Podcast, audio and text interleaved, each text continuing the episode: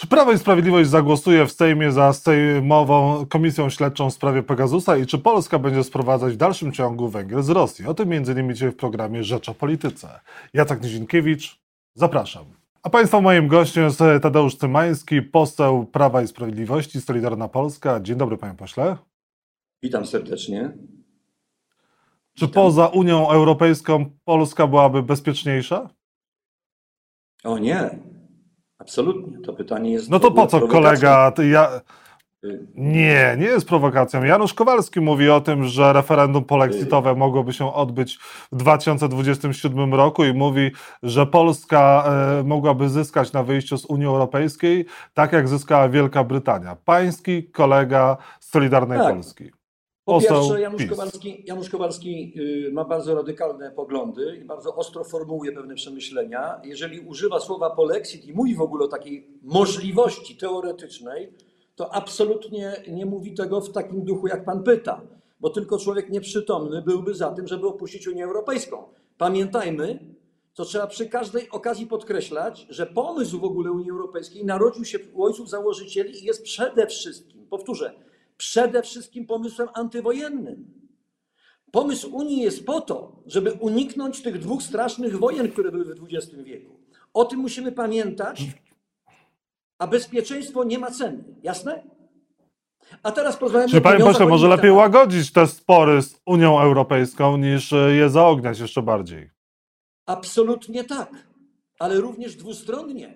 Unia jako ciało jednak złożone, skomplikowane, powinno dbać i pielęgnować po pierwsze praworządność we własnych szeregach, bo wie pan, przysłowia, przysłowia są najciekawsze, najciemniej pod latarnią. Porozmawiajmy o praworządności w Unii Europejskiej. Jestem przygotowany, mam tu materiały. Proszę pana, to nie są takie święte aniołki, ani my nie jesteśmy święci. Obie strony, obie strony muszą pracować nad porozumieniem, a nie traktować z buta innych. A to ma miejsce. Panie Niestety- pośle, jeżeli chodzi o kwestię, jeżeli chodzi o kwestię bezpieczeństwa, czy, co się powinno stać, e, jeżeli chodzi o Rosję? Jaki stosunek Unii Europejskiej i Polski wobec Rosji e, powinien mieć miejsce, chociażby po tym wczorajszym, e, po tej wczorajszej akcji Putina na Ukrainie? Proszę pana, odpowiem. Przygotowałem się, powiedziałem na łamach Rzeczpospolitej. Nie kto inny, a Czesław Bielecki powiedział w ten sposób. Przecież to wy, Niemcy, wygraliście najwięcej, zjednoczenie kraju i Euroland umożliwia wam dominację. Dlaczego rezygnujecie, zdradzacie, nie stajecie przewodzić obronie Europy? Proszę pana, światem rządzą pieniądze. Niestety. I na naszych oczach widzimy, bo można Putina powstrzymać tylko i wyłącznie z cementowaniem całego zachodniego świata. Jest nieźle, jest nieźle, bo Amerykanie dołączyła się Japonia i Ka- Kanada i nikt się nie sprzeciwił na ostatnim posiedzeniu Rady Ministrów. Więc mamy zrozumienie tej sprawy. To jest prawdziwe nieszczęście, niewyobrażalna wojna. Sobie sprawy nie zdajemy. Więc tutaj nie ma dyskusji najmniejszej. Mówimy jednym głosem cud. W Polsce ten pan Brejza ze mną mówi podobnie. Co pan wyobraża, jakie cuda się dzieją? W obliczu nieszczęścia. Bo Polska ma przede wszystkim moralny tytuł, żeby mówić jednoznacznie w tej sprawie, bo nasza historia nas do tego upoważnia. No właśnie, no to teraz jednoznacznie, czy Polska w dalszym ciągu będzie sprowadzać gaz, węgiel z Rosji? Diabeł w szczegółach. Nie Polska, tylko czy polskie firmy, polskie firmy, bo to jest różnica jednak. Bo jako państwo mamy swoje górnictwo, które nie daje nam tyle węgla, ile trzeba, też trzeba sobie z tego zdać sprawę, a zabezpieczenie prądu... No i co innego mówią górnicy. Mówią górnicy, że węgiel leży na hałdach i nawet protestowali przeciwko sprowadzeniu, sprowadzaniu tego węgla z Rosji. Faktu nie będę zaprzeczał, natomiast warto spojrzeć na sprawę szerzej jednak i głębiej i do końca. Bo przede wszystkim mamy jednak wolny rynek, nie ma już komunizmu i nie ma socjalizmu, mamy firmy ogromne prywatne, mamy sprywatyzowaną dużą część sektora energetycznego i nikt nie będzie zmuszał prywatnego przedsiębiorcę, żeby kupował węgiel tu, nazwijmy nasz, a nie tam, który jest tańszy czy lepszy. Nie wiem. Ja się na tym nie znam, nie będę się mądrzył. To jest bardziej skomplikowane, a zarzut skierowany wobec nas jest prymitywny. Przepraszam. No jak to jest prymitywny? To wy, będąc w opozycji, mówiliście, że Polska nie powinna robić żadnych interesów z Rosją. Ponad bilion złotych Polska wydała na import ropy, węgla i gazu. Głównym dostawcą jest Rosja. To jest stan na 18 stycznia 2022 roku.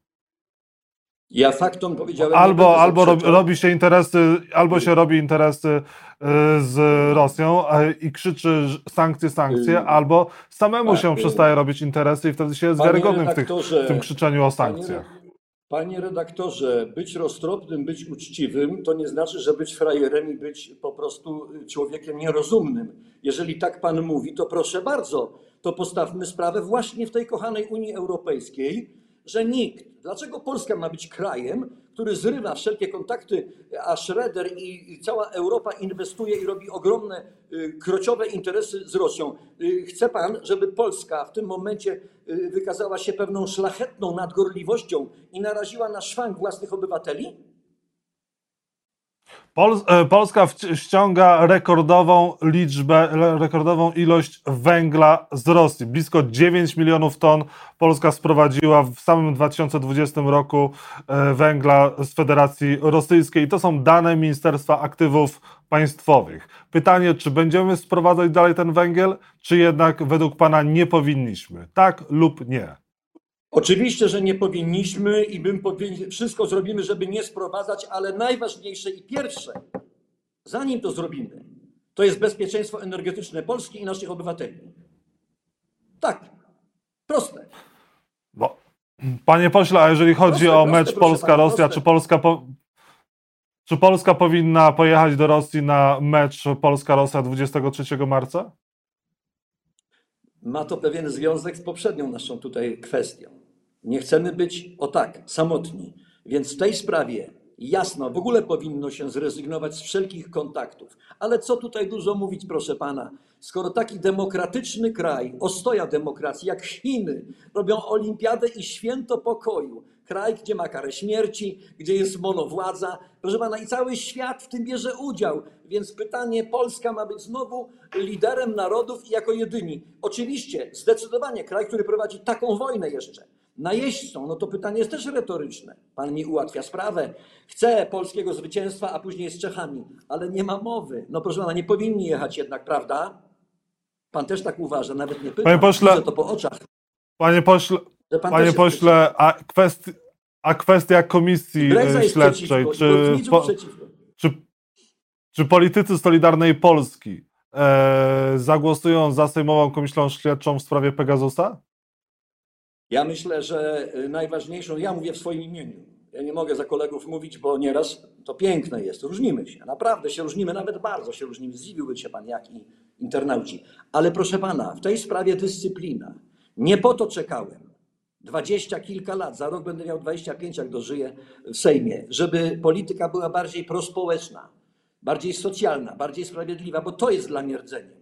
I dla mnie jedność obozu prawicy jest taką wartością, że nie pozwolę sobie na luksus rozbijania tej jedności. To się łączy z tym pytaniem. A Więc czy marszałek, głosował a marszałek Sejmu Elżbieta, Tak. a, marsz, a marszałek Sejmu Elżbieta Witek powinna poddać pod głosowanie ten wniosek e, Pawła Kukiza? Jestem zbyt skromny i doświadczony, żeby w takie pytanie wchodzić. To jest pytanie do kierownictwa ścisłego partii. A Sz- marszałek tak szanuję, żebym był takim zuchwalcem.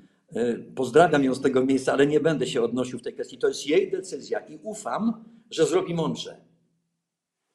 I na koniec, niech pan powie, a kto jest odpowiedzialny za Polski Ład? Kto jest autorem tego projektu, kto go firmował? Czy jest tak, jak mówił y, chociażby Tadeusz Kościński, że no dobrze, że poleciał minister e, z finansów, a nie premier i, i Mateusz Morawiecki stoi za Polskim Y, Ładem? Krótko proszę. Prowokuje mnie pan. Polecę wszystkim internautom, sięgnijcie, odnaleźcie ten wywiad. Znakomity wywiad, bardzo ciekawy, bardzo ciekawy, z ciekawym tytułem. Lepiej ma lecieć minister. Uważam, że ktoś odpowiedzialny za to jest, bo skala błędów naprawdę była duża.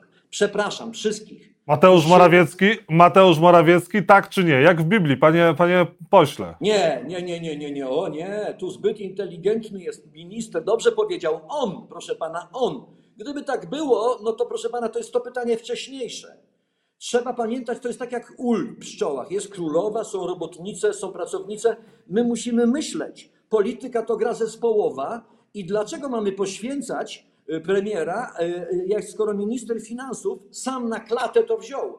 On powiedział tak. Ja Czyli robiłem, Prawo ja i to- Sprawiedliwość, Prawo i Sprawiedliwość nie poświęci Mateusza Morawieckiego za Polski Ład. Musimy kończyć. Ja, nie tak mam, nie? ja się nie mam prawa. Ja, tak, Prawo, Sprawiedliwość, dobre pytanie. Ja jestem z Solidarnej Polski i swoje miejsce w szeregu znam. To sprawa Poseł PiS. y, hegemona, partii, która dominuje. Prawo, Sprawiedliwość o tym ma decydować, a nie my. Tadeusz Tymański, poseł Prawa i Sprawiedliwości, Solidarna Polska, był Państwa moim gościem. Dziękuję bardzo za rozmowę. A nie mówiłem, że w takim momencie pan kończy, kiedy dopiero się zaczęło robić ciekawie. Do usłyszenia, do zobaczenia wkrótce. Pozdrawiam. Serdecznie.